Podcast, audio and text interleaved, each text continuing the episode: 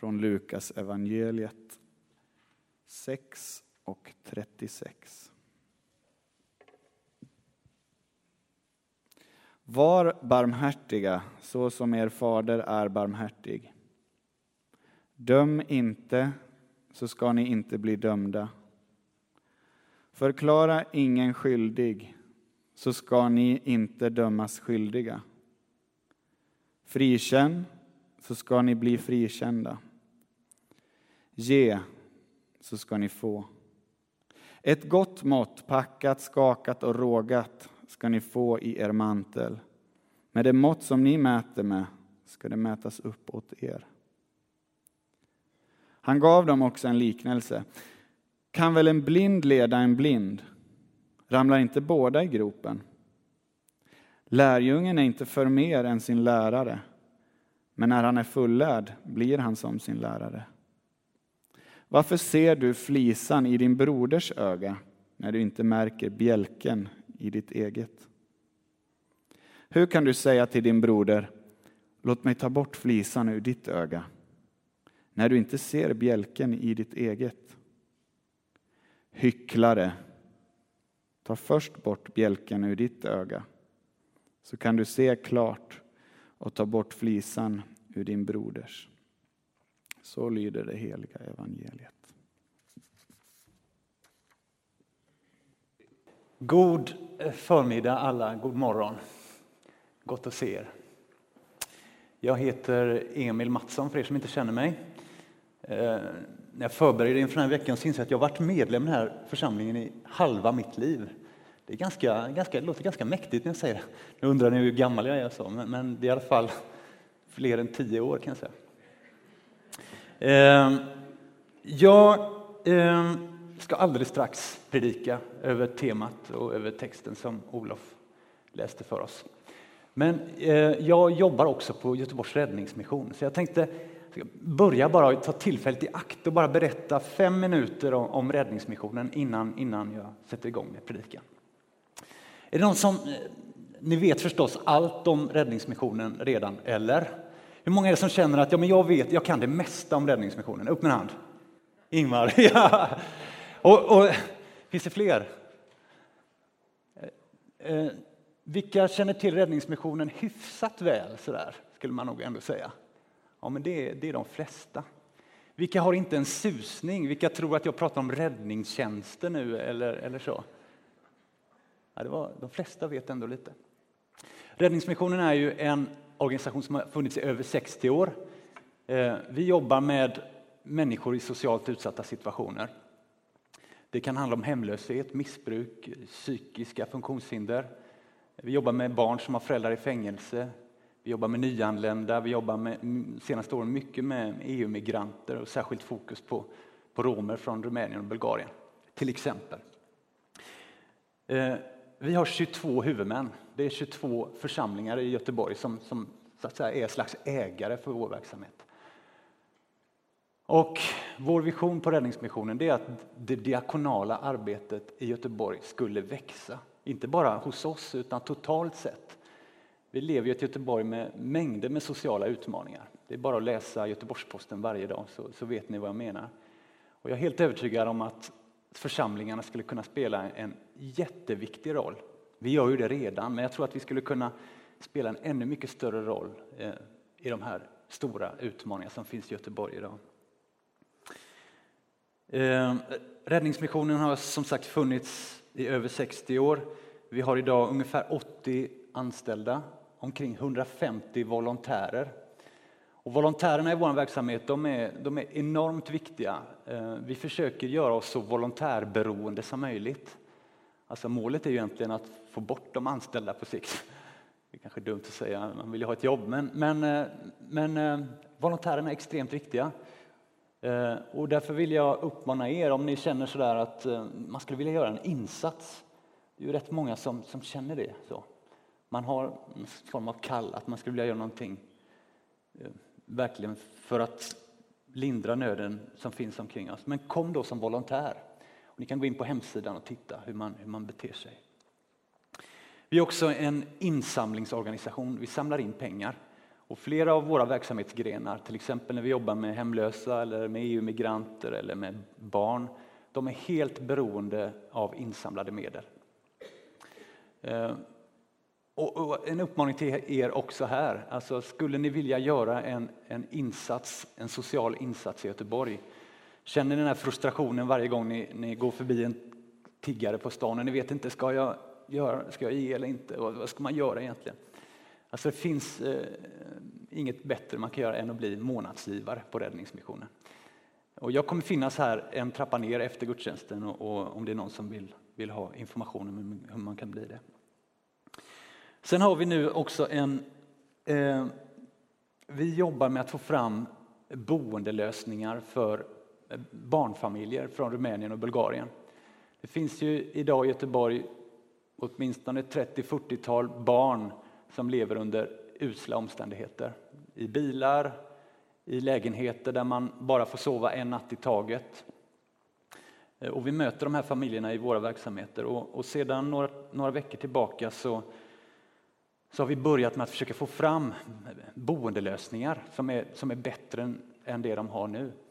Eh, vi har en dröm om att, eh, att en mängd kyrkor skulle kunna erbjuda en parkeringsplats var och att vi kunde få ställa en husvagn där och att, och att det kunde finnas en familj där.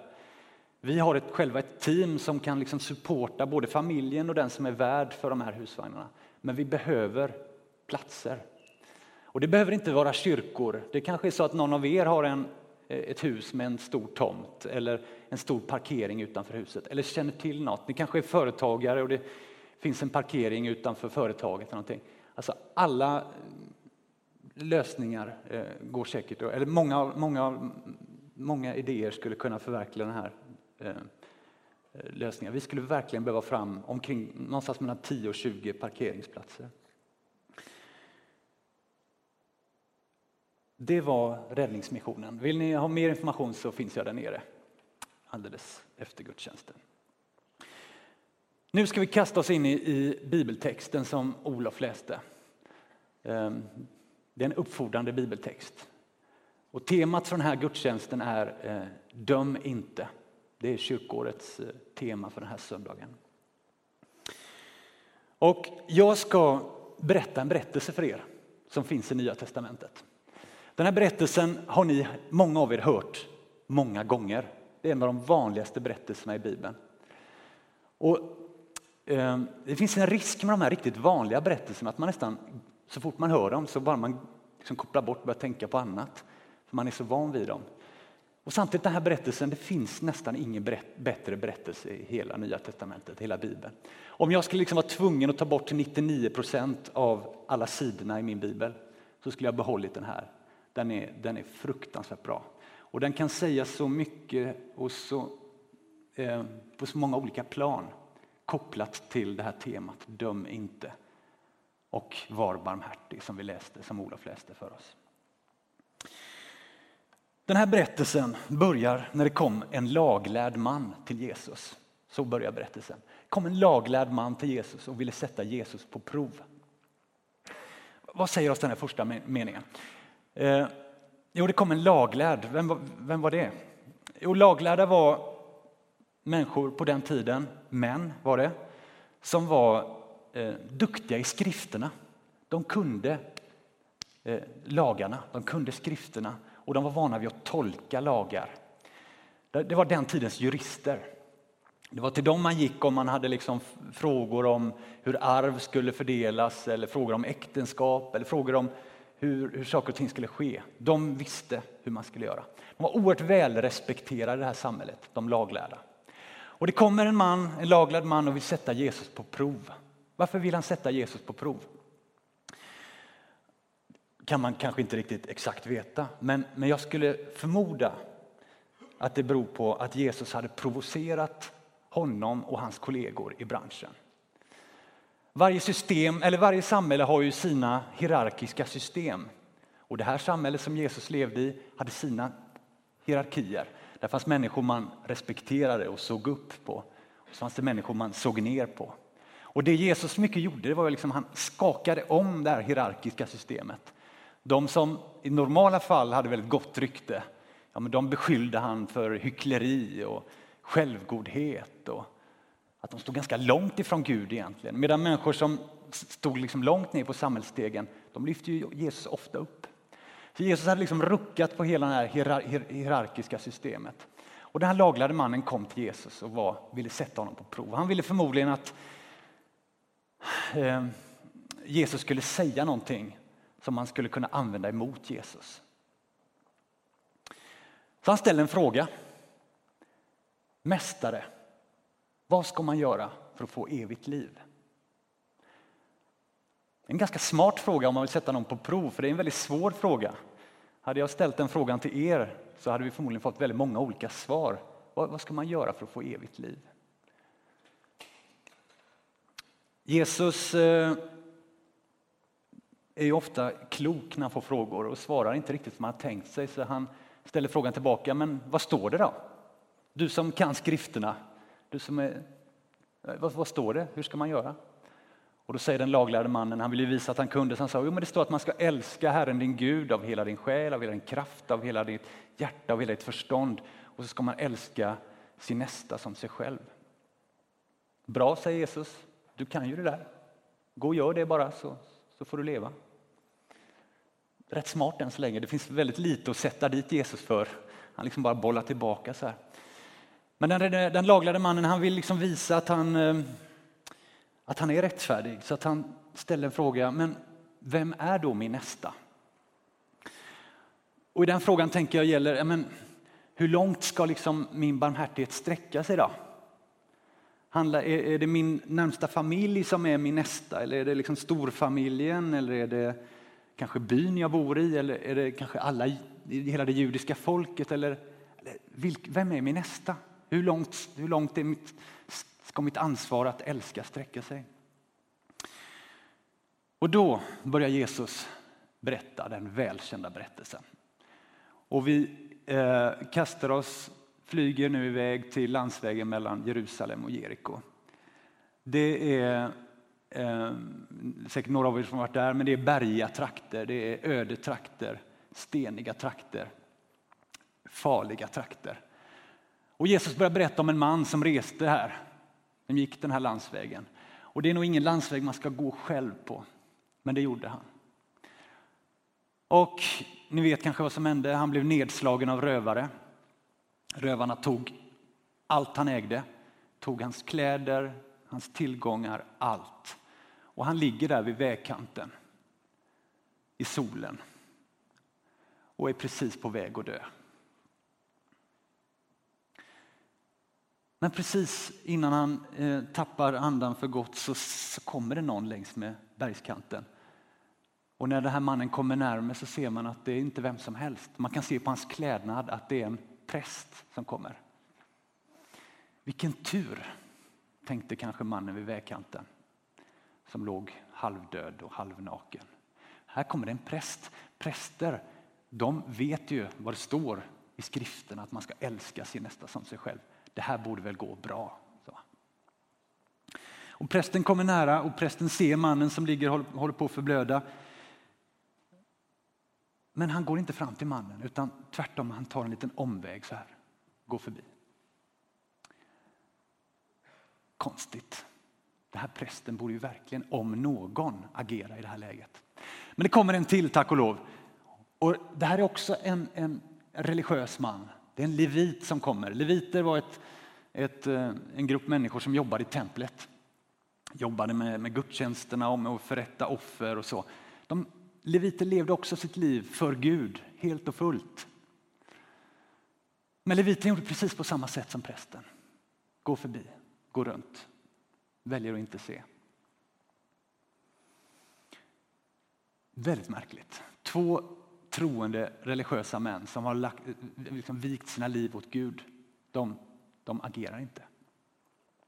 Men så kommer en tredje person och ni vet vem det var. Det var en samarier som kom. Eh, och samarier det var ett folkslag på den tiden som, som judarna eh, avskydde. De var eh, eh orena. Eh, de trodde fel, hade fel uppfattning om Gud. De levde fel. De, de, de gjorde allting fel. Så när judar skulle åka till exempel mellan två judiska byar och det råkade ligga en samarisk by på vägen så gick man stora omvägar. Man ville inte komma nära samarier för man kunde bli smittad. Eh, man ville inte bli oren. Och här kommer det då en samarisk man. Det kan man också se på hans klädsel. Och han kommer nära och det naturliga vore kanske att den här samarien väljer att gå runt. Men det gör han inte. Utan han går ner på sina knän, han tar, tar fram en handduk, torkar av honom blodet, tar mannen upp på, på sin axel och så bär han iväg honom till sin åsna eh, och för honom till trygghet. Och mannen som var på väg att dö överlever. Och så kastar vi oss tillbaks till Jesus och den laglärde mannen igen. För nu ställer Jesus frågan då, vem var den överfallne mannens nästa? Ni minns frågan som den laglärde mannen ställde, vem är min nästa? Och nu frågar Jesus då retoriskt, vem är den överfallne mannens nästa? Och då svarar den laglärde mannen, jo men det var ju Samarien. Bra, säger Jesus, gå du och gör som han. Och den här berättelsen har väldigt många bottnar. Eh, jag ska bara peka på några, någonting man kan lära sig ur den här berättelsen. Den första poängen i berättelsen, tänker jag, är att den här laglärde mannen, han var så, han var så besatt av tanken på vem, vem man ska älska, hur långt ens barmhärtighet ska sträcka sig. Vem är min nästa? Och Jesus säger, du ska inte bekymra dig om det. Bekymra inte om vem som är din nästa. Det viktiga är att du är nästa. Det viktiga är att du är en medmänniska. Och är du en medmänniska så kommer det förvandla alla dina relationer. Och den där frågan som den laglärde mannen har, vem är min nästa? Den kan jag se överallt i vårt samhälle också. Till exempel kopplat till, till tiggaren utanför Hemköp. Är det, är det min nästa? Jag menar, eh, han är ju inte svensk medborgare. Eh, det är väl Rumänien och Bulgarien som borde ta sitt ansvar i den här frågan. Eh, det är väl inte så att jag har ett ansvar för den?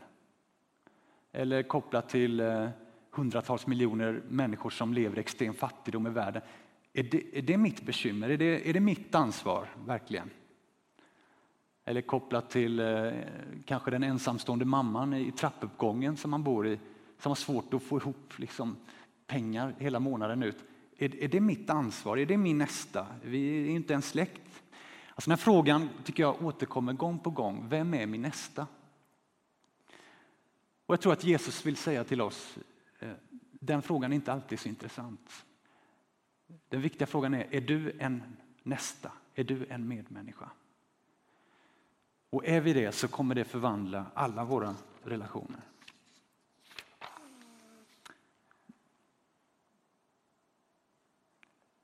Den andra poängen med den här berättelsen är att fromhet, eller för mig, det är att fromhet och religiöst liv inte alltid är en garanti för att man lever rätt.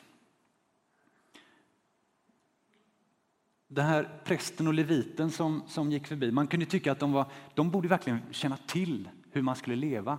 De visste ju att man skulle älska sin nästa, det stod i skrifterna. Men ändå på den tiden så fanns det en, en religiös logik som, som gjorde att de gick runt. Varför? Jo, men de kunde inte veta vem den här mannen var som låg vid vägkanten. Det skulle kunna vara, han låg där och blödde. Han, han var ju potentiellt en väldigt oren människa som låg där. Om jag böjer mig ner så kan jag bli liksom smittad av den här mannen. Och, och det där är ju livsfarligt. Så man använde argumentet att inte bli smittad som en förevändning för att inte böja sig ner och agera. Och om vi får koppla det till idag då. Finns det strukturer eller mönster i våran tro idag som gör att vi inte agerar när människor lider nöd? Det är också en, en uppfordrande fråga. Finns det någonting i vår gemenskap eller i vårt gudstjänstliv eller så som, som till och med blir ett hinder för oss? Jag tänker att det till exempel finns en risk ibland att, att kyrkan och gudstjänsten eh, blir någon form av konsumtionsprojekt som alla andra. Där allt ska handla om att jag som kristen och medlem ska gå härifrån eh, uppfylld och glad och, och, och att allting som kyrkan handlar om ska handla om att tillfredsställa mina behov. Och det här är ju livsfarligt. Kyrkan finns ju inte kanske främst till för att jag ska få liksom goda känslor, utan kyrkan finns ju till för att betjäna världen. Och det här behöver vi nog liksom påminna oss om hela tiden. Hur ser kyrkans prioriteringar ut? En tredje poäng med den här berättelsen det är att Gud kan använda människor med sår. Människor som lever i utsatthet. Vi läste den här berättelsen i en personalgrupp på Räddningsmissionen och i, i den gruppen sitter det en medarbetare som själv har erfarenhet av, av missbruk och hemlöshet. Och när hon läser den här berättelsen säger hon det är inte så konstigt att det just var en samarier som böjde sig ner. Varför då? sa jag. Nej, men han visste ju vad utsatthet var. Han kunde mycket väl identifiera sig med den här mannen som låg vid vägkanten. Och det där är intressant, tänker jag. Vi har ju ofta någon slags föreställning om att livet, ett, ett gott liv är, är väldigt enkelt och rakt. Man föds in i världen av goda föräldrar och man får en riktigt bra uppväxt.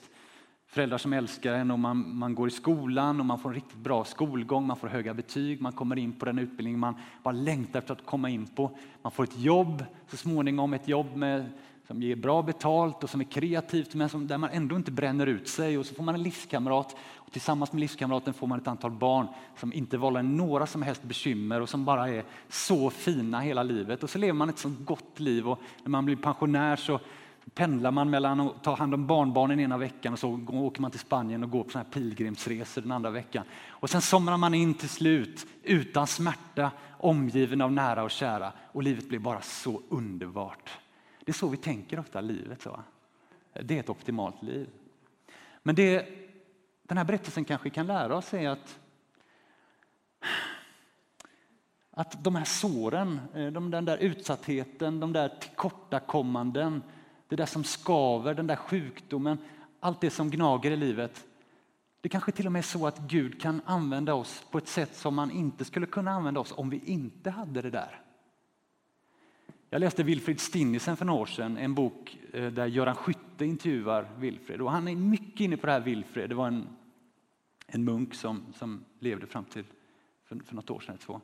Han är mycket inne på det där att till och med en synd i livet, om, om vi låter Gud använda det så kan han använda oss på ett sätt som, som han inte skulle kunna använda oss om vi inte hade det där brustna inom oss. Så att det tycker jag är en uppmuntrande tanke det här att Gud använder Samarien i det här läget. Samarien vet vad utsatthet är och kanske just därför så blir han eh, den som böjer sig ner. Gud kan använda våra sår. Jag är snart klar här, men, men några bara saker till. För det fjärde, vi behöver hjälp. Det är så lätt att läsa den barmhärtige samarien på det här söndagsskolesättet. Att han, allt handlar om att man ska vara snäll mot andra. Och man identifierar sig bara med den här samarien, att man ska böja sig ner och, och ta upp. Och, och, det är förstås en av de viktiga poängerna i berättelsen. Men jag tror också vi behöver läsa den här och försöka identifiera oss med, med den som ligger ner vid vägkanten. Vi ligger kanske inte så ofta fysiskt vid en vägkant och riskerar att dö. Men visst har vi alla Eh, kan vi på något sätt identifiera oss med den utsatthet som den här mannen kände. Vår utsatthet kanske heter missbruk. Det finns många olika sorters missbruk. Det kan vara relationer som inte funkar ordentligt. Det kan vara sjukdom. Det kan vara en bitterhet över att livet inte blev som man hade tänkt sig riktigt. Det kan vara synd av olika slag. Alltså det finns så mycket som gör att jag tror att vi kan känna igen oss i den här utsatta mannen vid vägkanten. Och vi behöver hjälp. Och vi behöver varandra. Vi kan inte leva i den här utsattheten om vi inte får hjälp av andra. Och därför behöver vi sträcka våra händer till den som kommer förbi och säga att jag klarar inte det här, jag klarar inte det här. Och jag tänker när församlingen är som bäst, då är den ett sånt här hjälpcenter där, där vi tillsammans får uttrycka vår, våra, vår brustenhet mot varandra. Men där vi också tillsammans får hjälpa varandra och ta ett kliv och hjälpa och lyfta varandra. Och vi behöver också ytterst sett eh, hjälp från Gud. För våra liv utan honom eh, är förlorade. Vi klarar oss inte en sekund, vi, vi kommer dö. Vi behöver Gud, vi behöver lyftas upp av, av, av Gud själv. Vi behöver Guds kärlek, vi behöver Guds förlåtelse, vi behöver nåd. Och det är likadant. Vi behöver kanske inte göra mycket, men vi måste liksom sträcka våra händer mot Gud för att bli upprättade. Sista punkten eh, på temat då igen. Vi ska inte döma. Eh, den här mannen som låg vid vägkanten han, och var på väg att dö, han, han föraktade förmodligen samarier eller avskydde eller försökte åtminstone hålla sig borta från. Och det paradoxala och nästan komiska i berättelsen det är att det råkar komma en samarier som, som räddar hans liv. Ehm, och det där är ju intressant. Jag tänker, vad hade hänt? Hur skulle Jesus berätta den här berättelsen om, om Jesus gick omkring här idag? Det skulle inte vara en samarier han berättar om, det är ingen som vet vem, vilka det är. Men vad skulle, vad skulle han använt istället? Skulle han berätta liknelsen om den barmhärtige tiggaren kanske? Eller liknelsen om den barmhärtige transan? Liknelsen om den barmhärtige Sverigedemokraten? Liknelsen om den barmhärtige AFA-aktivisten? Jag vet inte. Men det är intressant att fundera över vad som skulle provocera oss idag. Jag tror att vi behöver ständigt påminna oss om att vår sak är inte att döma. Eh, vi vet aldrig hela sanningen. Vår sak är att älska, vår sak är att visa barmhärtighet och domen får någon annan stå för. Och det lär oss den här berättelsen också.